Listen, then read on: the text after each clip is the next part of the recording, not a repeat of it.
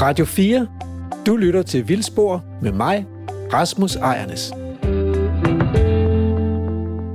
Så er vi tilbage igen i Vildspor, og øh, Peter, øh, jeg har en besøg her af Peter Vierberg Larsen, og øh, Peter har kigget utrolig meget på vandløb, og vi taler lidt om vandløbenes natur, og om nogle af de konflikter, der kan være, når vi mennesker vi øh, blander os i vandløbenes øh, vilde natur, øh, fordi vi gerne vil bruge dem til alt muligt andet. Og jeg vil lige læse et lille stykke op for dig fra en kronik i politikken i øh, 1925, som hedder Om forureningen af vores ferske vande. Det er muligt, du kender den, men, men så bliver det et, et, lille, et lille genlyt her.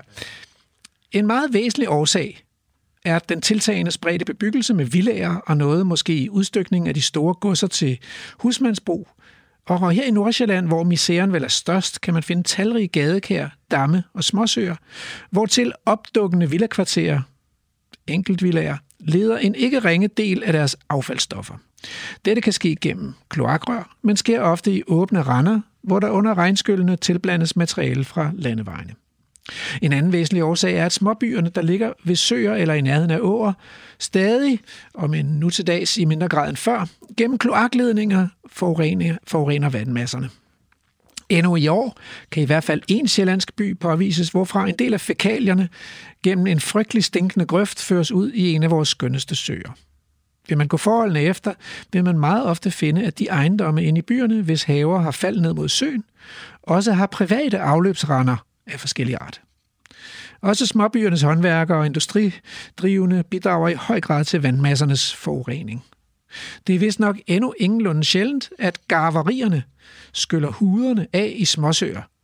At slagterne i tidligere tid har haft meget på deres samvittighed er utvivlsomt. Nu til dags virker bilværksteder etc. ganske ødelæggende. Fra dem flyder store olieklatter ud over søoverfladen.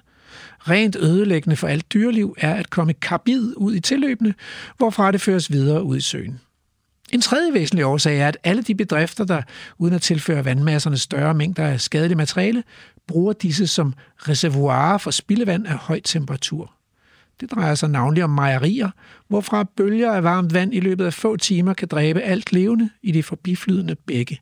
For en kort tid gør bæklejet sterilt, men senere skabe gunstige kår for en flora og fauna, som det sandelig ikke er nogen fornøjelse at se på, og som gør åerne uhygiejniske. Som forurener af vores ferske vande, særligt vores åløb, har mejerierne landet over særdeles meget på deres samvittighed. Vigtigst af alt er dog Danmarks overgang fra agerbrug til industri. Et lavland opbygget af let flyttelige jordarter, hvis floder og åer kun fører ret ubetydelige vandmasser, hvis fald er ringe, og som derfor kun render langsomt afsted, kan ikke tåle denne overgang. Og så kommer der en hjemmejade om fabrikker og svineslagterier og og dem, der mener, at det, dette er en overdrivelse, bør følge Mølleåen fra Lyngby til den udløber i sundet. Ja, det er jo den rene ynke, øh, Peter. Øhm, men det er jo 100 år siden, øh, knap 100 år siden, og der er løbet noget vand i åen siden da. Så, så, så hvad er det egentlig for en transformation, for en ændring, der er sket med vores danske vandløb? Altså, først skulle jeg måske lige sige, at det er blevet værre siden. Jeg går ud fra, at det var Vissen Ballon, du Ja, det var Vissen Ballon. Og, øh, og øh, det er da bare blevet værre altså, i en periode. Ja, for altså, i dag er det bedre, ikke? Jo, jo, men hvis, hvis, altså, nu var det skrevet i, i 25, ja. Og øh, 40'erne og 50'erne og 60'erne og ind i 70'erne, der var der var det værre. Og, altså, men, de, men det er lidt de samme kilder, som han, øh, som han nævner. Der har bare været flere mennesker. Ja, og, og kloakeringen tog jo til. Ja. Øh, og den rensning, han snakker om, det jo det, man i, på, det, på et tidspunkt derfor, man fik en, en, den første miljøbeskyttelseslov snakket, talte om, at, at man frarensede cykelstel og den slags i renseanlæggene. det var det, mekanisk, ja, det var det, man kunne klare, ikke? Jo.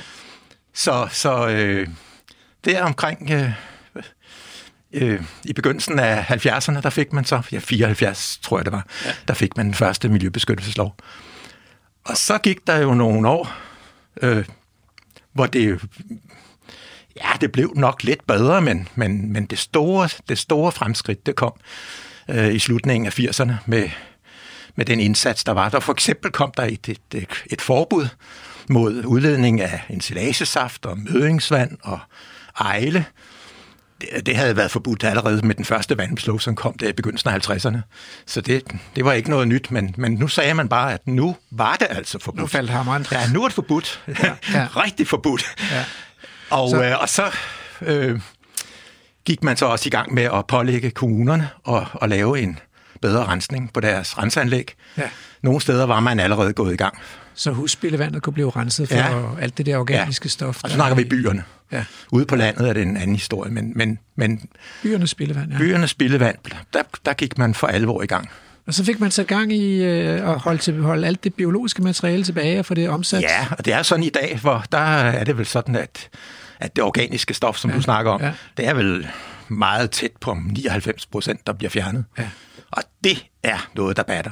Fordi når det ender ude i vandløb, så forbruger det øh, Ilt. ilten, ja. og, øh, og så kommer der... Det er den ene ting. Ikke? Og så er der kun nogle få dyr, der kan klare ja. det der. Ja. En anden ting er også, at det giver en, en kan man sige, mikroorganisme vækst på, på substraterne så videre, så det er ikke kun spørgsmål om iltforbrugen. Okay.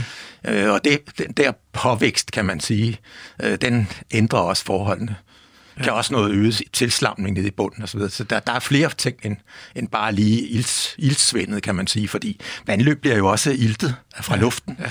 Så det er jo ikke sådan, at, øh, at, at det, det ligesom Nej. er den eneste faktor, men det, men men sådan samlet set, så, så, har det, så har, er der virkelig dårlig, en dårlig effekt af udledning af, af urenset spildevand, eller dårlig renset spildevand. Så på den måde, så kan man vel godt sige, at, øh, at vandløbene er sådan en, en af de første succeshistorier i, sådan, i, i dansk naturforvaltning. Det synes jeg. Ja. Den er, den, altså det, bliver, det bliver glemt indimellem. Også i, bliver måske lidt forplumret af diskussionen om udledning af, af kvælstof. Ja, for der er stadig stort slagsmål. Ja, kvæl, altså, de, altså næringsstoffer, kvælstof og fosfor, der går til søerne og til havet. Det, det er ligesom at have overskygget meget, fordi man siger, at ah, vi har, vi har godt nok, der er jo godt nok sket meget. Altså på fosfor, på grund af den her spildevandsrensning, så er fosforudledninger jo reduceret ganske væsentligt øh, fra spildevandet. Ja. Så man kan sige, det bidrag, der er i dag fra øh, af fosfor øh, til vandløbene og søerne og havet, det kommer i langt højere grad fra, fra landbruget. Fra dyrkning af markerne og udvaskning af stofferne, ligesom med kvælstoffen. Ja. Langt det meste kvælstof kommer derfra. Ja. Men altså selv der er der jo sket betydelige reduktioner. Ja. Og du må have været med på den her rejse, ikke? Altså, kan ja, du... fuldstændig.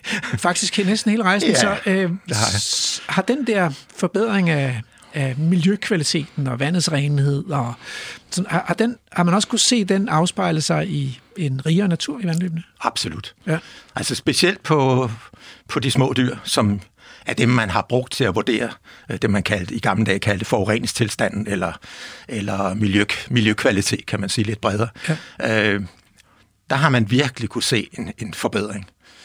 Og det startede tydeligst i de fynske vandløb, fordi vi i al beskedenhed, jeg var i det gamle amt, det gamle Fyns amt, og øh, vi var lidt hurtigere uden de fleste andre amter med at give, give øh, hvad det, påbud eller, eller instruktioner til kommunerne om at rense deres spildevand med, via vores, vores regionplan.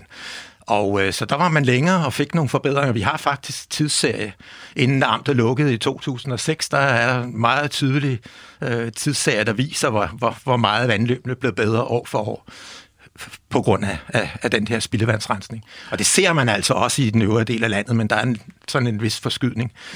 Så når vi har rapporteret på, på landsdækkende data her i, i de sidste mange år, så kan man også se en, en år, altså fra år til år forbedring. Det er dejligt, øhm, og nu må vi se, om, øh, om stemningen den også øh, kan stige lidt ude i Gudenåen, når de bevæger sig væk fra, fra Tangeværket. Så vi skal til den sidste del af reportagen. Nu øh, har vi været her ved Tangesø og talt lidt om Tangeværket, og om de potentialer, der kan være for en øh, vildere Gudenå her, ved, øh, her, hvor søen ligger i dag. Øh, men jeg synes, vi kan køre videre til øh, Fladbro Kro, eller Fladbro dernede i hvert fald, og se, hvad... Der var også nogle andre konflikter, vi skulle snakke om dernede med landbruget og nede i lavlandet. Øhm, så øh, lad os prøve at køre derned. Ja, lad os gøre det. Det er mig, der er Lærke Sofie Gleup, og lige nu er du på reportage med mig og Emil Skovgaard Brandtoft.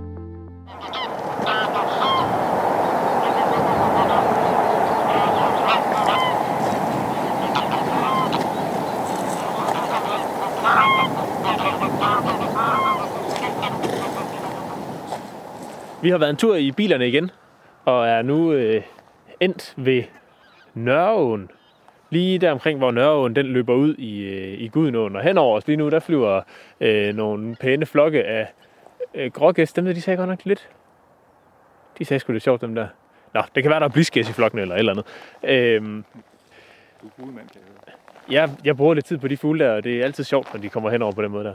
Grunden til, at vi er kørt herned, Sten, det er jo fordi, øh, hernede, der bliver det lidt tydeligere, hvad er det, hvad konflikterne også godt kan være i forhold til, øh, at åerne jo også, i hvert fald ifølge vandløbsloven, skal fungere som afvandingskanaler.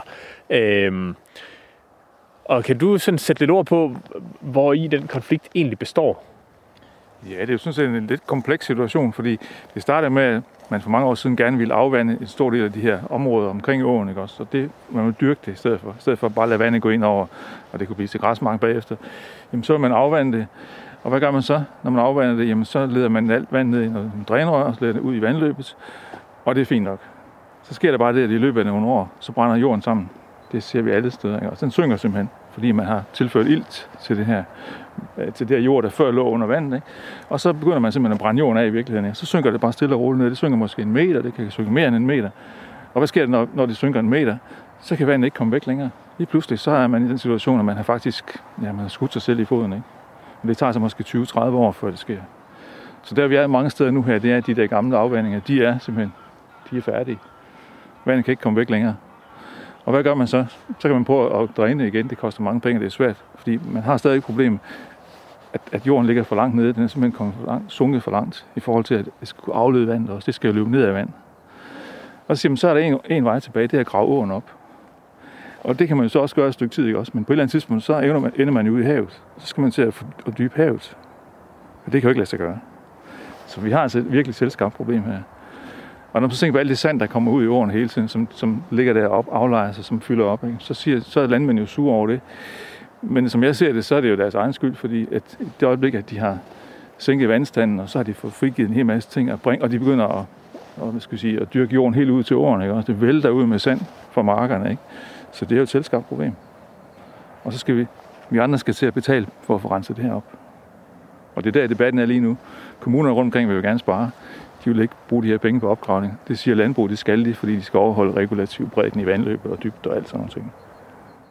Ja, det er, det er jo en kompliceret størrelse, og hvem, hvem, øh, hvem skal betale, og hvem skal gøre hvad, og alt sådan noget. Øh, der er måske også nogle, øh, nogle problemer i forhold til grødeskæring i, i vandløb, og, og den vandføring, der kan være, når der pludselig er mange vandplanter. Præcis. De fylder jo op. Altså vandplanterne, de fylder rigtig meget, og derfor skærer man dem simpelthen regelmæssigt, for at de ikke skal fylde så meget, så vandet bedre kan komme væk. Så er det jo ikke blevet bedre af, at vi har fået vandremuslinger op i Tangesø, fordi Tangesø, den var meget uklar tidligere. Alt det vand, der løb ud af Tangesø, som kom herned, det var meget uklart. Det er det ikke længere, fordi vandremuslingerne har renset det. Når de har renset den her sø, og det vand, der kommer ud, er klart, så kommer der mange flere vandplanter i Gudenåen, og jo flere vandplanter, der kommer i Gudenåen, jo mere stiger vandstanden, jo større problem bliver det for landbruget. Så det bider virkelig sig selv i halen her.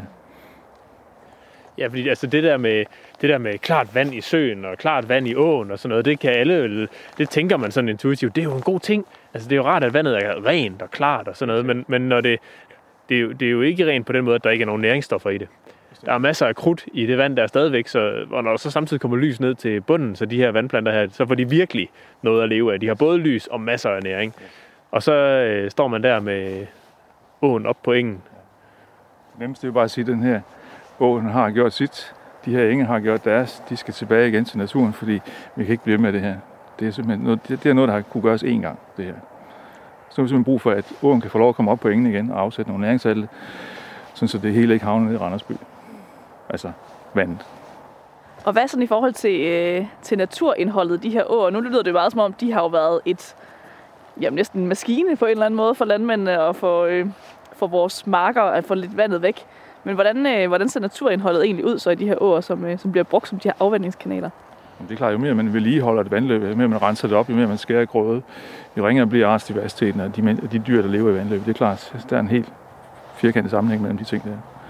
Så det er klart, at hvis vandet får lov at passe sig selv, hvis åen får lov at komme op på engen igen, så bliver der meget bedre liv i vandløbene.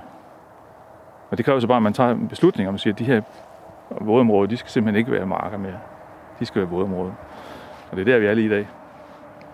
Andet er det jo ikke, at der kommer noget vand op på en mark, og så står det der summer, du kan ikke gå rundt i det, men det har nogle super, super lange gummistøvler på. Men altså, det giver jo en masse, masse levesteder for en masse, masse fugle og dyr og alt muligt. Det, er, det er simpelthen perfekt, hvis man er til natur. Ikke? Og hvis ovenkøbet skal betale for og få en dårlig natur, så begynder det at blive svært at argumentere for det. Ikke? Ja, altså vi står ved det her, øh, ved det her område langs øh, Nørreåen, som jo er fuldstændig oversvømmet. Der er nogle pilebuske, og der er nogle øh, høje græsser og, og forskellige øh, planter, men de er jo også øh, ret oversvømmet. Og øh, man kan jo ikke som sådan komme ud og gå i det. Det er jo ikke, fordi det sådan er naturskønt på sådan en, jeg skal ud og vandre med min hund øh, om måde. Men øh, der kan jo sikkert bo en hel masse øh, fugle nede i de her, de her krat, der alligevel er rundt omkring. Og øh, de kan gemme sig mellem alle de her græsser og dunhammer og hvad der nu ellers er herude. Så det er jo et meget, meget vådt område. Øh, vi, vi øh, talte lige før om, øh, om den sandvandring, der foregår øh, i de her vandløb, hvor sandet ligesom bevæger sig fra markerne og ud i vandløbet og, og hæver bunden derude, ikke? Så, så vandet, vandløbet ikke er så dybt, som det, som det var. Øh, er, der, er der mere at sige om den konflikt? Ja, jeg synes, at nu snakker vi ikke om det, da vi var oppe på Tangesø, men det er faktisk en væsentlig del af problemstillingen deroppe. Det er jo, at når man laver sådan en vandkraft, så fylder man vand op i søen, og når man så har vand nok i søen, så lukker man det ud igennem turbinerne. Ikke? Det er ikke sådan en kontinuerlig drift. Man skal have pas mængde vand til at løbe igennem turbinerne.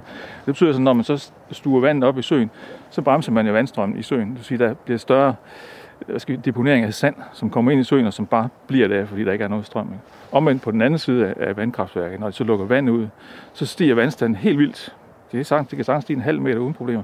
Og det er klart, når vandstanden ved sådan en å her, den går op og ned sådan her, og bringerne bliver blottet, og de bliver oversvømmet og blottet og oversvømmet, så bliver der vasket en masse sand ud hele tiden. Hele tiden. Så det er en væsentlig del af forklaringen. Det kommer ikke kun fra markerne. Det kommer altså også fra den her vandkraft, den måde, de driver det på.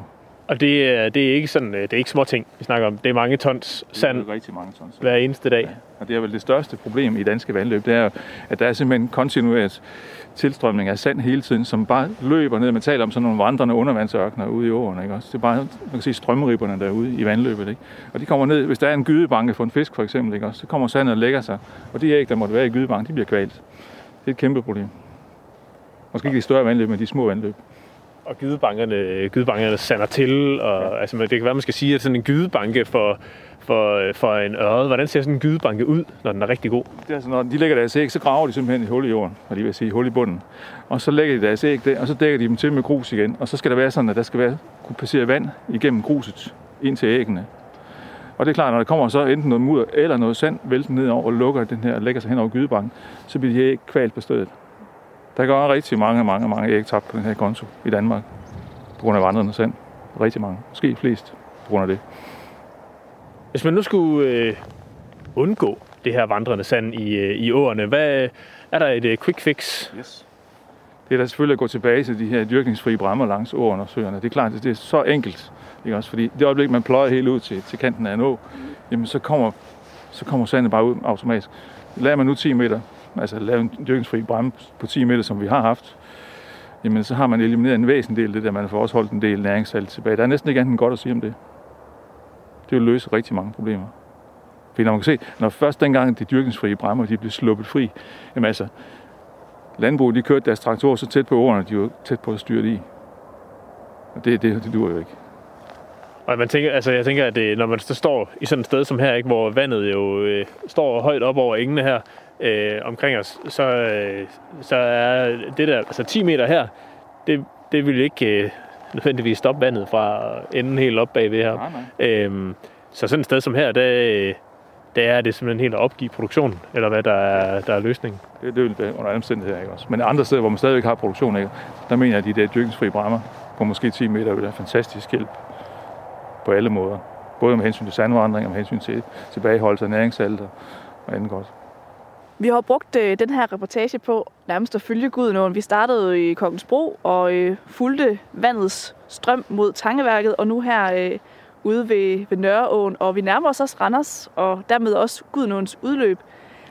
Hvad er der egentlig sådan at sige om, øh, om Gudenåen lige på, det her, på den her strækning, hvor, hvor den snart øh, stopper? Vi har jo småt ind på det tidligere med, at, at det hernede, det har den flodstatus, Gudenåen, fordi den er sådan mere søagtig, end den er vandløbsagtig i virkeligheden. Og samtidig har vi også det, at vi har påvirkning af tidevand ud fra Kattegat igennem Randersfjord. Så når der er højvand ude i Kattegat, så stopper det hele inde i Randersfjord, og så kan vandet faktisk begynde at løbe op ad Gudenåen her på det nederste stykke. Så det er ret specielt. Plus at det har et delta, hvor Gudenåen forgrener sig i mange, mange forskellige små grene. Ikke? Og det er klart, at når strømmen den går i stå nærmest, ikke, så bliver det ikke nemt for vandet heroppe fra, fra Nørreåen at komme ud. Så stiger vandstanden herop. Og så øger sand, sedimenteringen med sand også, og så har vi virkelig et problem. Ikke? Så derfor er det bedste bare at lade det ligge. Nu har vi været på den her øh, lille rejse ned ad Gudenåen her. Øh, og Sten, sådan som, øh, som et afsluttende spørgsmål på den her, på den her snak om Gudenåen, så kunne jeg godt tænke mig at høre, hvad er din vision for fremtidens Gudenå? Jamen det er jo helt firkantet. Det er, det er spørgsmål for fjerne Tangesø. Altså, det vil løse rigtig, rigtig mange af de problemer, vi har. Plus det vil give os en masse ekstra natur, som vi mangler i Danmark. Og det vil sætte os i stand til at opfylde kravene i vandrammedirektivet. Og hvis man så ellers bare dyrke områderne omkring Gudnå, nede Gudnå, hvor vi står nu, lidt mindre intensivt, jamen, så er vi nået langt. Så en, øh, en, øh, en å eller en flod, der får lov til at passe sig selv lidt mere, og får lov til at selv at finde sin vej gennem landskabet, og øh, gå over sin bredder der, hvor den vil det, og i det hele taget være lidt vildere. Naturen er altid bedst til at passe sig selv. Og ved Tangesø tilfælde, ikke? også i samme øjeblik, man fjerner søen, så vil Gud nå lynhurtigt finde tilbage til det gamle leje igen, for det er simpelthen der, den løber bedst. Jamen, jeg tænker med de ord, Sten, så vil vi sige tusind tak, fordi du ville tage med os ud i dag. Det har været en stor fornøjelse. Jeg siger selv tak. Radio 4 taler med Danmark. Se, øh, Peter, jeg har faktisk taget et, øh, jeg har faktisk taget et foto med til dig. Og øh, det kommer her. Okay. Kan du gætte, øh, hvor det er fra, og hvornår det er taget? Det er jo et vandløb i hvert fald, kan jeg sige til lytterne. Det, det er jo givetvis fra, det kan vel være omkring 1900-tallet cirka. Og- forskift, eller hedder det, skiftet fra det ene til det andet århundrede.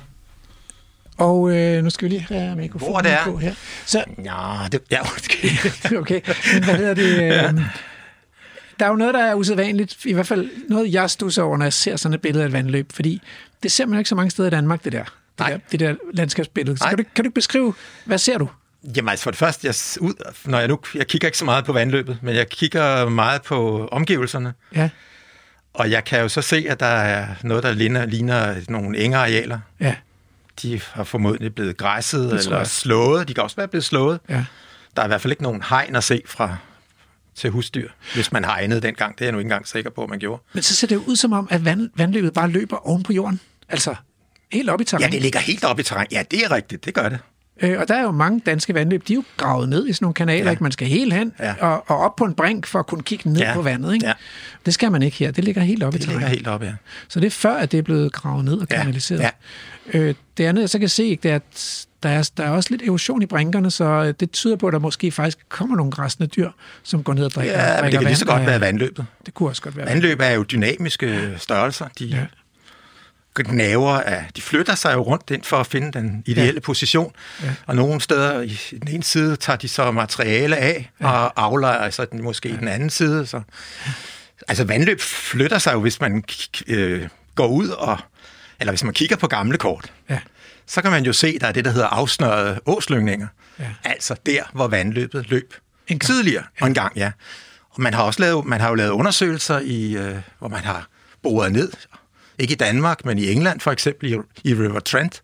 Der har man undersøgt forskellige steder i Ådalen og fundet de steder, hvor vandløbet løb en gang. Ja. Og så har man også kunne dokumentere, hvordan biologien var dengang ved at, ved at tage boreprøver og kigge efter rester og sådan noget. Men det viser bare, hvor dynamisk det har været. Ikke? Det ser faktisk ud som om også, at man kan se, øh, se at vandet løber hen over sten. At der faktisk ligger sten Ja. nede i vandløbet. Ikke? Ja, ja. Så, Men jeg øh, kunne da forestille mig, at det var noget af Gudnåen. Det er faktisk øh, Carbo. Nej, det er Carbo. Ja. Okay. Ja. det Jamen, det, det kunne vel lige så godt have været. Ja, cirka, cirka 1935. Ja. Øh, okay. Og det, det, hvis man vil se det her billede, så går man simpelthen ind på øh, den Facebook-gruppe, der hedder øh, Vildspor på Radio 4, øh, hvor øh, Hans Henrik Brun har lagt øh, billedet op. Øhm, og det prøver vi jo at bruge den her gruppe til ligesom at, at dele noget ekstra materiale, der er relevant for, mm. for de her udsendelser, vi laver. Øhm, men men hvis vi så vender tilbage til de der øh, natur- og miljøudfordringer i vandløbene, nu har vi så fået løst nogle af dem, ikke? især dem, der er knyttet til, til spildevand fra byerne ja. og fra landbruget, men hvad er så de største udfordringer for naturen i dag? Hvad er det, der... Er der noget, vi kan gøre endnu bedre? Altså det, vi mangler, og den anden store ændring, der er sket med vandløbene over tid, det er jo den fysiske ændring. Ja. Altså, at som er af, kan man sige, affødt af den, den, øh, det ønske om landbrugsdrift, og navnet den ændrede landbrugsdrift, man, man, man er kommet frem til, hvor man ikke har de mange græssede enge og dyr gående løse og, og græsse, ser man næsten ikke mere. Så, så dyrene er på stald, og man, man bruger arealerne til at, at lave afgrøder, korn, majs, ikke så meget roer mere, men, men, men øh, de andre, og raps selvfølgelig, men, øh, men meget ofte noget foder til, til dyrene. Og det taler og, vi jo også om i... Og, og, og det giver jo, og det at man går så tæt på vandløbene, ja. for at, at udnytte de, de arealer, der er langs med der, det er jo, det er jo sådan noget, man har startet på i... Ja, det har, det har været intensiveret op igennem 1900-tallet. Ja. Og øh, fordi hvis vi ind i 1800-tallet, der har der stadigvæk interesse for, for, for engene. Man, man lavede man, man, man lavede afvand, eller kan man sige vanding af dem. Man lavede sådan ja. ligesom nogle kanaler, så man kunne lede noget af vandet. Når, netop som nu, hvor der er så meget vand, så kommer der også en masse næringsstoffer, øh, som kan aflejres inde på, på de her arealer og gøde engene. Ja. Så der havde man, nogle, man havde også det, man kaldte engvandingsanlæg. Så og i, det, i virkeligheden er det vel sådan, så, ikke, fra, at i, i, fra naturens hånd, der har de der floddeltager og ådal og sådan noget, det har været det mest næringsrige sted i hele naturen, altså i hele landskabet. Ja, det har nok været ja. ret næringsrigt, det må man sige. Fordi det er ligesom alle næringsstofferne bliver ja. vasket ned ja. og ender der. Ikke? Ja. Hov, det, det er naturtelefonen. Øjeblik, undskyld. Det, det, er, det er Rasmus Ejernes fra øh, Naturtelefonen på, på Vildspor. Hvem taler jeg med? Oh, goddag. Jeg hedder Almindelig Lungemos. Al- uh, du må undskylde mig, hvis jeg lyder lidt, lidt nervøs, men jeg var bange for, at, at jeg ikke kunne komme igennem i dag. Ah, Nå. Du skal, ja. ikke, du skal ikke være bange, altså, fordi nu, nu er du kommet igennem, og, øh, og, og vi har god tid til at, at høre på, hvad, øh, hvad der er dit ærne i dag. Ja, øh, hør. Øh, jeg er meget nervøs, fordi øh, nu går havesæsonen snart i gang, ikke? Og alle det der haveejer, uh, det er klar til at komme ud og gøre noget for at fjerne mig. Nej, du, nej, men hør, Lungemus, du, du må lige forklare, hvad er du egentlig for en skabning? Fordi det er jo ikke sikkert, at alle programmets lyttere ved, hvad du er for en. Nå ja, jeg er jo sådan en, som vokser på fugtig jord, og øh, ikke kun haver, men også på planteskoler. Det er der, folk spotter mig, ikke? og det kan ikke lide mig i en eller anden grund. Men jeg, jeg vokser der også ude i, i den vilde natur. Så, så er du sådan så, men jeg kan godt lide fugtig jord, og sådan lidt skyggede steder. Fugtig øh, det er der, jeg, jeg bor jo. Men prøv at høre, øh, er du, er du sådan en invasiv art? Fordi dem er vi mennesker jo ikke så glade for. Eller, eller er, du, er du en god dansk art, eller hvordan? Nej, jeg, jeg er ikke invasiv. Jeg har altid været her. Jeg er en god dansk art, men, Jamen, det var godt. men fordi folk spurgte mig overvejende i have, så tror de måske, at jeg kommer udefra, ah, eller hører slet ikke med i, i den danske natur. Ja, fordi Radio 4 taler med Danmark, og så er det jo bedst, hvis det er en dansk art, der ringer ind. Så, så det er godt. Mm. Ja. Men det er jo også. Ja. Men, men prøv at høre, så, så er du bange for havesæsonen, den kommer nu, og det ved vi godt, så skal alle ud og, og, og slå græs og, og hakke i jorden med deres hakkejern og grave og sådan noget. Og hvad så? Mm. Så går det ud over dig? Jamen, men, men, men de forfølger mig jo. Det kan ikke lide mig af en eller anden grund, som jeg faktisk ikke kan forstå. Og så kommer det og hælder kogende vand over mig og krasser fugerne mellem fliser, hvor jeg vokser, og giver mig ah. en omgang med gasbrænder. Du ved, det er jo, det er jo ikke rart, vel? Og så men... føler man sig hele tiden sådan forfyldt, ikke? Forfulgt, ja. Men jeg, tror jeg, du... Det er så ubehageligt. Tror du også mennesker på nogen måde, altså, siden at, at vi ikke er så glade for dig? Hallo? Jamen, mennesker... Jeg ved ikke, hvorfor de er så... Hvorfor det er efter mig hele tiden? Jeg har ikke gjort noget. Du jeg gør ingen skade. Du ødelægger ikke bygningerne eller fliserne, eller? Nej, det gør jeg ikke. Jeg, jeg vokser bare på fugtig jord, men, men man hører jo ofte, at de siger om mig, at jeg er grim. Og det synes jeg overhovedet ikke, jeg er. Øh, måske prøver det at sammenligne mig med nogle blomster. Det synes blomsterne planter, det er jo så, det er jo så fine. Ja. Men, men hvis de prøver at komme lidt tættere på, i stedet for at udrydde mig hele tiden. For eksempel, jeg er jo lille, ikke? Jo. Og så kunne de jo sætte sig ned på knæ og, Ah, og komme lidt tættere på. Ja. Så ville de da finde ud af, at jeg er ret køn, Ja. faktisk. meget fint. Det er et virkelig godt forslag. Altså, man skal sætte sig ned på knæ, inden man udrydder alt livet øh, i- på flisegangen, fordi måske er der noget, der faktisk er smukt og, og ikke nødvendigvis truende og farligt. Men, men hør, du hedder jo lungemos. Vi har tidligere haft et, lunge, et lungelav igennem, som havde nogle luftvejssygdomme og sådan noget, men det er ikke noget, der plager dig, altså dårlig luftkvalitet eller passiv Nej, rygning. nej, overhovedet ikke. Jeg tror faktisk, at, at jeg fik det der navn, fordi når man, netop når man kommer tæt på og kigger på, hvordan jeg ser ud, Ja. så har jeg sådan et netformet mønster på oversiden. Jeg ligner jo sådan et øh, grønt blad, som Ah. vokser på jorden. Sådan helt slet. Og når man kigger på, på mig, på, på min overside og overflade, så, så er der sådan et netformet mønster. Ah, Og det ligner måske øh, menneskets lunger, ikke? Og det er ah, derfor, det er derfor, jeg tror, jeg hedder sådan, men jeg har ikke noget med nogen sygdom at gøre overhovedet. Og slet ikke med lungesygdom. Nå, jamen det er jo, det lyder jo ekstra interessant, altså, så man skal faktisk, øh, man, skal, man skal ned på knæ, og så skal man nyde den her sære vækst, som, som vokser på fliserne, uden at gøre et særligt væsen af sig, og som ikke truer os, men som er, er, er øh, unikt på mange måder. Jo, for jeg tror faktisk, man kan bruge mig som en, der fortæller det der havefolk, at de steder, hvor jeg er, der er det faktisk fugtigt. Sådan Ja. fugtigt konstant og skygget, ikke? Så hvis de tænker, at de vil plante nogle stavte der, som godt kan lide sol og tør jord, det skal ikke lade være med. Jeg er jo sådan en god indikator af det der fugtige og skyggefulde forhold. Ja, ja, Kan det måske bruge til noget i stedet for at udrydde mig? ja. Måske kunne, måske kunne det der ligefrem gå mode i det her, og have sådan en lille moshave med lungemos og sådan nogle små, sarte Ja, vækster. og så andre mosser, fordi jeg Ja. har jo andre slægtninge eller Præcis. søskende. Så, og de er lige så smukke som mig, og det vokser der også på fliser og på tage, og ja, i byde mellem stavter, men, men det gør ingen skade, og, og jeg har faktisk set, at Haveselskabet skriver, at vi kan tage næring fra planter i bødene. Det kan vi da ikke rigtig konkurrere med, fordi vi har ikke nogen rigtige rødder. Ah, ja, Så- rødder. Nej, vi får jo al vores næring fra luft. Når det regner, så kommer der også lidt næring til os. Så vi tager jo ikke noget op fra jorden. Ah. Så nej, jeg kan slet ikke se, hvorfor folk ikke kan lide os. Men ved du hvad, sagen er jo, at vi ikke er beskyttet. Nej, Vi er ikke på rødliste, og vi er heller ikke på Bernkonventionen, og heller ikke på Habitatdirektivet. Så folk kan bare komme og, og komme efter os og, og, Ja. og prøve at komme af med os hele tiden. Ikke? jo. Og derfor, og, jeg, ja. jeg har brug for hjælp. Ja, og det er derfor, at du har ringet til Naturtelefonen, og nu øh, Ja. bringer vi simpelthen dit nødråb ud til lytterne. Her i havesæsonen, der skal I gå, sætte jer ned på knæ øh, og komme lidt tættere på de her mosser, og ikke mindst almindelig lungemos, og nyde det her særlige væsen, og glæde jer over, at den ikke tager noget fra nogen, men bare øh, pynter øh, på, på den ellers lidt kedelige flisegang.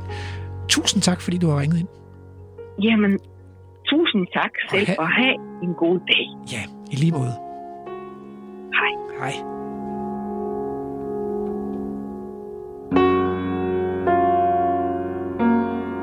Øh, ja, du må undskylde med den her øh, naturtelefon, men det, det er, den, her- den står altid åben, så arterne kan ringe ind, øh, hvornår det skal være. Men det, vi var i gang med at tale om, det var jo øh, de her fysiske strukturer i vandløbet. Så øh, kan du sige lidt mere om, hvad, hvad er det, der er, der er vigtigt i de her vandløb, og hvorfor? Jeg Altså, vil, jeg vil godt lige starte med at sige, at nu snakker vi om forurening. ja, Og man kan sige, at man er måske nået, øh, man er nået et pænt stykke ja, med nogle forbedringer af vandløb, men det sidste, man mangler, og det er en pæn klat, ja, det er, det er at få, få gjort noget ved, ved de fysiske forhold i vandløbene. Ja. Altså uden det, så kommer man ikke videre med, med spildevandsrensning og alt muligt andet. Og hvad kunne det for eksempel jamen, være? Det, jamen det er jo, at, at, at for det første, så skal der jo være variation i vandløbene. Ja. Øh, der, altså, dyrene og planterne har jo forskellige levesteder. Ja. Og øh, nogle af dem, de vil gerne have et sted, hvor der er sten og grus og pæn, Mm. hurtig strøm, og andre, de vil have en mere blød bund, sandet, sandet bund, sådan finkornet bund, altså noget, man kalder silt, mm. og langsommere vandhastighed. Det er jo så typisk inden langs med, med bredderne. Mm. Og det er også meget vigtige levesteder. Mm. Så man skal helst have det hele. I det øjeblik, man har... Og det er jo det, man kan man sige, også har gjort op igennem 1900-tallet. Det er at regulere, man kalder regulere vandløb. Ja. Øh, der er næst... Nej, hvad skal vi skyde på omkring, måske omkring 90 procent af danske vandløb er, er det, man kalder reguleret i et eller andet omfang. Noget, noget af det, der er de simpelthen lavet som, som lige kanaler. Et langt sugerør ned Ja, ja og, og, og et uddybet. Ja. Og der kan være lagt diger op. Og, mm. og, det, og det kan man sige, det at man har lavet motorvej til, til vandafledning. ja. Nogle af dem er, er måske reguleret i en lidt mindre omfang. Mm. Og det er jo alt sammen for at få vandet væk fra markerne, og selvfølgelig også fra, fra spildevand væk fra byerne. Måske på et eller andet tidspunkt var det også været, været et, et formål, men, men, øh, men ellers er det jo for, for afvanding og for drænsystemerne, som jo måske dækker halvdelen af Danmarks areal, at de kan fungere.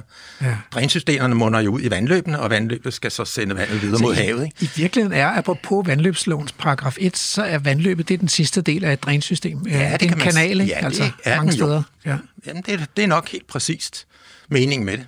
Så det er der ikke meget skønhed Nej. over, og der er heller ikke mange levesteder i sådan lige, Nej. lang lige kanal. Nej. Så hvordan Så kan skal man vi så få sige- men så- levestederne tilbage, altså? Jeg skal måske lige sige, er der også en, en anden ting, man, jamen, det, jeg skal nok komme til det, Ja, ja. Men, men det er også sådan, at, at mm, det er jo unaturligt, at vandløb er lige kanaler. Ja. Altså vandløbet vil jo forsøge, hvis det får lov, at, at mobilisere sine, sine naturlige kræfter, sin naturlige dynamik, Mhm. mm-hmm. så vil det jo begynde at, at sno sig igen. Mm-hmm. Selvfølgelig, hvis der, er, hvis der er tilstrækkeligt fald, eller tilstrækkeligt meget vand, der kommer mm. bagved, så vil det begynde at slynge sig og nærme sig det, der ligesom minder om nat, eller er natur. Mm. Øh, men det vil man jo, vil, har man jo så i tidens løb forsøgt at modvirke ved for eksempel at skære vandplanterne, mm. grave slam og sand op fra bunden, hvis bunden blev hævet. Mm. Altså vandløbene kom, bunden blev, blev jo sænket, og så bliver der jo lagt materiale på, og det går jo ikke, vel, for så går det ud over vandafledningsevnen, så graver man af. Og så de her planter, som vokser i vandløbene, de er jo, har jo blevet betragtet som noget, der bare var i vejen, og dem har man så skåret med jævne mellemrum. Der er regler for den slags. Mm. Øh, så det, man jo skal gøre, det er jo virkeligheden at give dem fri. Mm. Give vandløbene fri. Det, er det, det kan man sige, det er det ultimative. Øh, men det tager jo selvfølgelig tid, før et vandløb kan komme til at ligne noget, nat- altså en kanal kan komme til at ligne noget naturligt, hvis, hvis det ikke får nogen hjælp. Og så har man jo så nogle løsninger, hvor man er forskellige. Der findes noget, der hedder et virkemiddelkatalog over forskellige kategorier af ting, man kan gøre for at forbedre vandløbene rent fysisk. Ikke? Man kan Altså i den ultimative ende, så er det jo noget med at genslynge vandløbet, og, og kan man sige, det giver det lov til at, eller, at, at være slynget inden for en, en ådal, mm som ikke, hvor der ikke er dyrkning for eksempel. Mm. Så genskreber man sådan en hel, en hel ådal, ikke, hvor vandløbet så kan få lov, efter det ligesom er blevet hjulpet på vej med, med, med gravede slyngninger, så kan det stadigvæk fortsætte at, at, at, at gøre sin dynamik færdig, eller, mm. eller det er sådan en forløbende proces, kan man sige. Mm. Øh, Og det er Ja. lidt dyrt, ikke? Fordi så skal man faktisk købe, Jo. købe de der dyrkningsinteresser ud af ådalen, fordi, fordi man kan ikke bare have et vandløb, det, det øh, interagerer med sine omgivelser. Men det er jo der, der er interessant, at der har været forslag fremme på det sidste med at tage lavbundsjord ud. Ja. Ja. Altså hvor Danmarks Naturfredningsforening og Landbrug og Fødevare har været sammen om, om, at- om at komme med et forslag, at man kunne tage, tage lavbundsarealer ud. Og, og en stor del af lavbundsarealerne, de ligger jo altså langs med vandløbene, og specielt de, de større vandløb. Men Peter, hvorfor, hvorfor har de ikke brugt vandløbenes skønhed som argument? Jeg har bare hørt sådan noget, at så skal der være, det giver noget mindre klimagasser, Præcis. og sådan nogle sådan Ja. tekniske ja. argumenter og sådan noget. Ja, Ja, men, men kunne du det- også godt have sagt, at det var, det var, så kunne vi få Jamen- genskabt vandløbenes skønhed. Ja. Eller biodiversitet. Og Og når det går højt, så, så snakker man om biodiversitet. Ja, ja, det er da bedre i hvert Jo, men fald. det, men, det kan jo, men det er jo også et spørgsmål, hvad man forstår ved det. Men, men netop det, du snakker om skønheden, det er rigtigt nok, det, det fylder ingenting. Nej. Og jeg tror også, at jeg, jeg tror jo også, at det handler om, at man jo ikke ved, hvordan det kunne være. Og hvad der er at se i sådan et vandløb, et naturligt vandløb. Mm. Hvad er der egentlig at leve? Altså hvis man, hvis man viste mm. Nogle af de spændende organismer og forklarede, hvordan de levede, og mm. faktisk også viser, at de, de er kønne. Ikke? Altså, ikke om insekterne er kønne, men de er da spændende, og nogle, altså, nogle af dem synes jeg, der er flotte, altså. Mm. Så nogle guidede ture i kano, ja, eller, for eksempel? Ja, det var den ene ting, men altså, man kan jo også vise det på, på tv med, med, med udsendt, naturudsendelser, men det bedste er selvfølgelig at komme ud og se det selv. Ja. ja under køndig vejledning. Jeg tror, jeg tror bare, at, at, ja, altså, at folk måske har fået en lidt fjern forestilling om, hvad natur er. Ja. Der er jo heller ikke entydigt, hvad natur er. Altså, og der er en sammenblanding mellem natur og landskab, ikke? Jo. Altså, for eksempel var en, en, en, en, en, en, en gul rapsmark, bliver jo af nogen opfattet som, som noget af det skønneste, man kan se, eller en, eller en, en mark med korn lige før den skal høstes. Ikke? Det vil så, nogen opfatte som noget meget, meget smukt, ikke? Så bliver de lykkelige af at gå rundt i det danske landskab, kan man sige. Det er ja. lidt, der er lidt længere imellem uh, snapserne, når vi snakker om de skønne vandløb. Ja. Det har været en fornøjelse at have besøg af dig, Peter. Okay. Tak skal du have. Ja, tak. Jeg er blevet meget klogere. Godt, tak. Du lytter til Vildspor med mig, Rasmus Ejernes. Ugens tråd er fra den åbne Facebook-gruppe Vild med Vilje med 10.000 medlemmer. Og trådstarter er Claus Lind Christensen, som linker til et opslag fra Vejle Kommunes egen Facebook-side med sådan en lille dronefilm, hvor man kan se en øh, gravemaskine, der er i gang med at møfle rundt på en mark i Tirsbæk Bakker. Og nede i det hul, som gravemaskinen har gravet, der står en mand, og det viser sig at være Bo Levesen, der er biolog i Vejle Kommune, og han fryder sig ned i hullet over et smadret markdræn. Og, øh, og så er der nogen, der har kommenteret her, Ja, der står her, i forbindelse med opførelsen af et boligområde i Tirsbæk Bakker, samarbejder byudviklere, entreprenører og biologer fra Vejle Kommune om også at lave rigtig natur. Philip skriver her i tråden, super fedt. Og der er nogen her, der tagger andre, der skal læse om det, og en, der skriver sejt, og der er klappende hænder, og og så skriver Lili, det der fascinerer mig rigtig meget, er, at det er stort set samme principper, om det er en villahave eller en stor grund som denne her, eller det er bare et spørgsmål om skala. Det er sjældent, at man på den måde blot kan fremskrive tilbageskrive størrelserne, men lade koncepterne være de samme, fordi udfordringerne og løsningerne stort set er de samme. Så svarer Philip, ja, Lili, og i den store skala har vi også bare muligheden for at genskabe vilde processer, for eksempel vildgræsning og genoprettet hydrologi.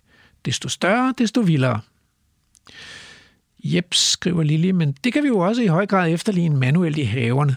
Dog inden for de rammer, der sættes, og eftersom vi jo har lov at lege i haverne, kan man sætte sit personlige præg på det og få det passet ind i, hvordan man ellers gerne vil bruge sin have.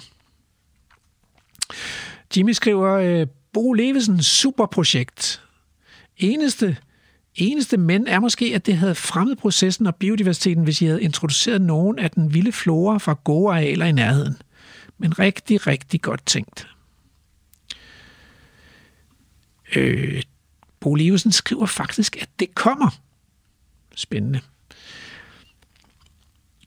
Og Riborg skriver, fint projekt. Det er næsten det samme, som vi i sin tid gjorde på vores 30 tønder land økologisk drevne marker, med dels engområder og dels sandede bakker for over 40 år siden, hvor vi havde får og kødkvæg til at græsse. Se, det lyder jo, øh, det lyder jo herligt, det her, og øh, jeg kunne godt blive lidt nysgerrig efter, hvordan det er, at, øh, at man kan få sådan noget her til at fungere i praksis. Og øh, hvordan man kan få entreprenøren til at arbejde med, og hvordan man kan få de her mennesker, der bor i det der Tirsbæk Bakker lige ved siden af, til at, at bruge området og acceptere, at der går store græsne dyr rundt, det er altså ikke alle steder, at folk er vilde med det, fordi store græsne dyr kan jo godt være sådan lidt bøvlede, hvis de kommer ind og, og skubber til en, eller man bliver bange for dem. Så jeg, jeg tror, jeg vil ringe til Bo Levesen fra Vejle Kommune og høre, hvad det egentlig er for tanker, der ligger bag. Jamen, jeg hedder Bo Levesen og arbejder i Vejle Kommune. Og grunden til, at jeg ringer til dig, Bo, det er jo, at, øh, at ugens tråd i programmet her, det er, øh, det er sådan en øh, tråd fra den åbne Facebook-gruppe Vild med Vilje. Og trådstarter er Claus Lind øh, Christensen øh, fra Danmarks Jægerforbund. Og, øh, mm. og den handler om et projekt, som I har i gang med. Øh, I har gang i ude i Tirsbæk Bakker. Øhm, ja. med at lave natur fra en øh, bar mark. Hvad i alverden ja. øh, er det, er det Jamen, i gang i? Og, og, hvad skal der egentlig til, hvis man vil omdanne sådan en pløjemark til vild natur? Jamen, øh, det er egentlig et godt spørgsmål. Vi er først selv ved at lære det nu, men, men jeg tænker i hvert fald, at man skal prøve at sætte nogle lækre møbler ind på den der barmark. Og hvis man er insekt eller svamp, eller hvad man nu er, så skal der jo nogle møbler ind, som passer til det øh, livsgrundlag, man gerne vil have. Det kan være, at man gerne vil have noget træ at bo i, eller det kan være, at man gerne vil have noget næringsfattig jord at bo på. Det kan også være, at man har nogle sten, hvis man er en lav og så videre. Så det er faktisk de ting, vi prøver at flytte ind på marken. Dels rådligt i jorden, så der bliver noget heterogenitet, Mm. og også at introducere nogle lækre møbler til de her væsener, der gerne skulle flytte ind. Men det tager jo lang tid at lave et træbo. Og ja, så snyder vi lidt og tager et dødt træ. Ah, I, men, Og det vi er, et stykke vejen, ikke? Men det er jo ret tungt. Øhm, og I, ja. Ja. I skriver, eller I, I fortæller på den her lille video, der var linket til, at I har samarbejdet mm. med en byudvikler, øh, Ja. som har haft øh, sådan nogle... Og, de, og det er jo det sjove, fordi der er jo ikke mange biologer, der har de her store maskiner, men det har entreprenørerne og anlægsgartnerne. Lige, lige præcis. Men hvordan det har du hvordan har du overtalt dem til at lave natur, og fortalt dem, hvad de skulle gøre? Fordi de er jo vant til at lave kultur. Det er jo det modsatte. Ja, det må man sige. Jamen altså, egentlig så, så, så er det byudvikleren selv, der har et rigtig godt øje for det her. For han har opdaget, at når han graver nogle øh, flotte søer og lader noget gammelt pilekrat stå, så, så, så flytter folk derhen, hvor de ting er. Ha! kan simpelthen se, når han udstykker sit område, de vil hen og bo i nærheden af det der lækre gamle krat, eller de vil hen og bo i nærheden af den der nye lækre sø, han har lavet. Han er faktisk central i området, der har han lavet sådan et stort gammelt pilekrat stå, og folk er helt vilde ved det pilekrat der. Ha! Så han har sådan set bare opdaget, at det er faktisk smart at lave natur. Det er en salgs- gerne lave mere. Det er en salgsparameter. Ja, Fantastisk. simpelthen- Ja. Men, men, øh, men er det entreprenøren, der så har betalt for den her mark, der skal være natur, eller er det en investering, I har lavet i Vejle Kommune? Øh, det er faktisk entreprenøren selv, der har betalt den. Øh, det er sådan lidt teknisk. Det er noget med noget erstatningsnatur fra, fra vandhuller. Han flyttede lidt rundt på ude i området. Ah, Nogle ret ligegyldige mærvelhuller, som lå i en tidligere gammel mark, som faktisk endte med at blive større, men formelt set har vi krævet lidt erstatningsnatur. Så noget af det, den pløjemark der, som, som er alleryderst i byområdet nede på lille bæk, den er så blevet konverteret stille og roligt til overdrev. Vi har byttet noget vandhul til noget overdrev, vi vil gerne bytte noget lidt almindelig natur til noget lidt mere sjælden natur. mm. Jamen, det giver jo god mening. Så det er han sådan set betalt af på ved at, at, at lægge nogle øh, lunser overdrev ud efterhånden, som vi nu har kommet igennem det her store projekt. Det er jo 1000 boliger eller sådan noget. Det projekt. Så det er, det er sådan en øh, bytte-bytte-købmand-ordning, kan man sige, hvor I, Ja, der er kommet faktisk, ja. mere natur, og måske også noget mere sjælden natur. Altså fordi, øhm, det her det er jo tørbundsnatur, og det, som regeringen mm. taler meget om, og som vi har fået meget af de sidste årtier, det er jo, det er jo vådområdenatur, altså store nye mm. søer og sådan noget. Mm. Så hvad er fidusen lige ved, at det, at det så er tørbundsnatur nu? Jamen, det er jo egentlig, at hvis du kigger på øh, det sted, hvor arterne de to steder, arterne har mest, mest presset, det er jo den gamle skov, det er den vilde skov, og det er græsland. Det er de to steder, der er rigtig mange arter. Der er rigtig mange arter på, i de områder, der ikke har det godt. Ja. Så det er fint nok at lave vådområder, men når man så fylder kvælstof på, så er værdien jo begrænset, kan man sige. Ja. Så, så derfor så synes vi jo faktisk, det er lige så interessant rent naturmæssigt i hvert fald at lave noget græsland. Ja. Eller overdrev hede, hvad man kalder det. Ikke? også? Og det får vi faktisk lavet her. Vi får faktisk lavet noget tør natur her. Og når man skal lave græsland, så skal der også være nogle græsne dyr. Og øh, I samarbejder jo her med nogle vilde øh, konikheste. Hvor i alverden kommer de fra? Ja, det er også en sjov historie. Det er faktisk øh, verdens skove, der har leveret dem. Så, så de er også inde i partnerskabet. Det er både øh, Tirsbæk Bakker, og det er Vejens Kommune, og det er verdens skove, der, der leger sammen her. Det er på alle måder et sjovt projekt. Det er første projekt, jeg har været med til i hvert fald, hvor der ikke er en, hvad skal vi sige, en konventionel lodsejer med i. Ja, ja. Så de har hestene, Tirsbæk, eller verdens skove har hestene og, og fører tilsyn med dem. Og Tirsbæk Bakker har lagt jorden til, og vi har sat et hegn rundt om det hele. Men, men så siger du på, på den her film, jeg har set, at man, at man kan få sådan et nært forhold til hestene ved ikke, mm. ved ikke at fodre dem. Jeg troede altså Ja, faktisk, det var lige er omvendt, at man kunne få, at hvis man vil have et tæt forhold til dyr, så skulle man fodre dem.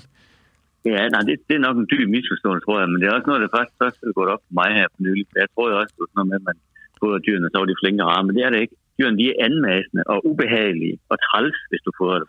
Ah, Fordi så tror de, det er dig, der er maden nærmest, ikke? og så snige lommerne på dig. Og i dyrehave nede i Nørreskoven, der har vi det problem med, at folk render og fodrer vores dårdyr. Så render de hen på for til dem. ah, Men heroppe i Tirsbæk Bakker har vi sagt til folk fra starten af, både på Facebook og så videre deroppe, Det her er vilde dyr. I skal bare lade dem være. I skal ikke else dem, og I må for guds skyld begynde at give dem gulerødder og andet godt. Bare nyde dem, som de er, så kan I nyde dem øh, rigtig tæt på, har vi jo fået at vide af verdens det er de erfaring for. Og ganske rigtigt, der er syv klaplov ind i den hegning deroppe. Det vælter ind og ud med mennesker, og der har ikke været et eneste, et eneste episode nu, hvor der har været en, der har været for tæt på en hest, eller en hest, der har været nær. Og så... jeg står jo også i den lille video, der er ret tæt på en hest, kan du. Så tamme dyr er faktisk farligere end vilde dyr, i hvert fald når det gælder ja, heste. Ja, det er jo lidt Jamen, sjovt. det er de, fordi ja. de forventer jo, at du gør noget ved dem, at du giver dem et eller andet, så bliver det jo påtrængt. Øhm, og det er også nyt for mig, at det er så tydeligt, det må jeg sige. Det er et rigtig godt tip til, hvordan man kan få en mere fredelig sameksistens mellem de der store ja. græsne dyr, som jo godt kan være lidt anmasende nogle gange, og så mennesker. Det kan de da. Men, men prøv at høre, nu blev dagens tråd jo startet af Claus Lind, øh, som vist bor mm. i området. Mm, mm. Han er også formand for Danmarks Jægerforbund. Er du ikke bange for, at han kunne finde på at skyde vildhestene? Jo, men øh, ej, det gør han nok ikke men, men han har sagt, hvis det er ude i den store natur, så kan han ja. godt skyde en gang. Ja, vi, vi må se, hvis vi får så meget øh, vild natur i, øh, i Danmark med, med vilde heste og vilde okser og bison og sådan noget, så kan det være, en, at man ja. en dag kan få lov til at skyde sådan en. Det kunne da godt være. Vi tænker også på, at man skulle spise en for en sjov skyld gang, men uh, det er ja. nok det store til endnu. Det er jo det. det. Hvis man skyder den, så skal man også spise den, synes jeg. Ja, det synes jeg også. Tusind tak for at gøre os lidt klogere på, øh, hvordan man laver natur fra en øh, bar mark, og held og lykke med projektet derude. Jo, tak. Hej, og du er velkommen forbi. Det vil jeg meget gerne. Jeg kan da godt være lidt nysgerrig ja, efter, hvad ja, der sker der. Ja, ja, ja det, kan ja. det kan være, vi ses derude. Det kan sagtens være. Hej. Hej. Du lytter til Radio 4. Hmm. Altså, når man indimellem tænker på, hvor besværligt det er at genoprette naturen, efter vi har smadret den, øh, med for eksempel næringsstoffer, dræning og pløjning og kanalisering af vandløbene og opstemning af vandløbene, så skal man måske også lige huske, altså, at hvor mange tusinde år det har taget os mennesker at få sat skik på naturen. Altså, da vi ligesom startede med at flytte ind i landskabet, der var, der var der vand overalt, ikke? Altså, øh, forsumpede vådområder, og, og der var skove, og det har taget utrolig mange kræfter at få fældet de her skove, og få pløjet jorden. Altså, det, der gik jo flere tusinde år, før vi fik nogle ordentlige pløjeredskaber, der kunne pløje nogle af lærjordene, for eksempel. Og det, det har overhovedet ikke været sjovt at skulle håndgrave tre meter dybe render til nedlægning af, af drænrør i sådan nogle våde lerjorder i Østdanmark. For slet ikke at tale om, at de her dybe render, som man skulle, skulle grave for at få drænene ned, det er fra tid til anden, så skred de sammen over både mænd og spader, og så der er gået nogen til på den bekostning i årenes løb. Det har været en bedrift, og og nu er tiden så kommet til måske at foretage en lille bevægelse i den modsatte retning, for at give lidt mere plads tilbage til naturen. Det er jo i hvert fald øh, det, vi stemmer for her på Vildsborg. Også i, i erkendelse af, at det er, simpelthen, det er simpelthen for trist at bo et sted, hvor alt omkring os er nyttigt og planlagt ned i den mindste detalje. Her i programmet øh, i dag har vi lært, at vandløbene kan øh, regulere sig selv eller genoprette sig selv – hvis bare vi giver dem plads og lov til at være vilde. Men så skal vi lade være med at lægge dem i lænker. Det er vigtigt at huske på, når man laver sådan en, en genopretning, et vandløbsprojekt, at, øh, at så skal man lade vandløbet strømme frit. Altså man skal være generøs nok til også at, at frigive hele ådalen, så, så vandløbet godt må gå over sine bredder og godt må slynge sig på en ny måde om 10 år eller 20 år. Og Bo har fortalt hvordan man kan få vandet tilbage i landskabet ude i Tirsbæk Bakker ved at grave drænrørene over på marken, og hvordan man kan øh, få en entreprenør til at fjerne muldlaget, eller noget af muldlaget fra marken, der hvor alle næringsstofferne ligger, og gøre det vanskeligt at få artsrigt græsland tilbage. Så for Søren, nu er tiden ved at være gået, og vi skal til at takke af for i dag. Lad os sende en kærlig tanke til øh, Gudenåen, Danmarks længste vandløb og det nærmeste, vi kommer på en flod. En kærlig tanke også til øh, sporhunden Andrew, som skaber og holder vildspors lydspor på sporet. Og hvis nu du får abstinenser frem mod næste lørdag, så kan du øh, melde dig ind i Vildspors Facebook-gruppe. Den hedder helt enkelt Vildspor på Radio 4. Og inde i den Facebook-gruppe, der deler vi sådan reaktioner og anmeldelser og også idéer til nye programmer. Og Det er også her, man kan få en chance for at stille eksperterne nogle opfølgende spørgsmål. Vi prøver at melde eksperterne ind i gruppen, så de kan stå på spring for at øh, hjælpe ekstra nysgerrige lyttere. Vi finder også lidt ekstra materiale i godteposen, film og billeder fra vores reportager. På vejen ud får I lige ugens haiku. Kongen af vandløb. Laksen springer kod derop. Guden åens prop. Programmet er produceret af Folkeuniversitetet og Aarhus Universitetsforlag for Radio 4.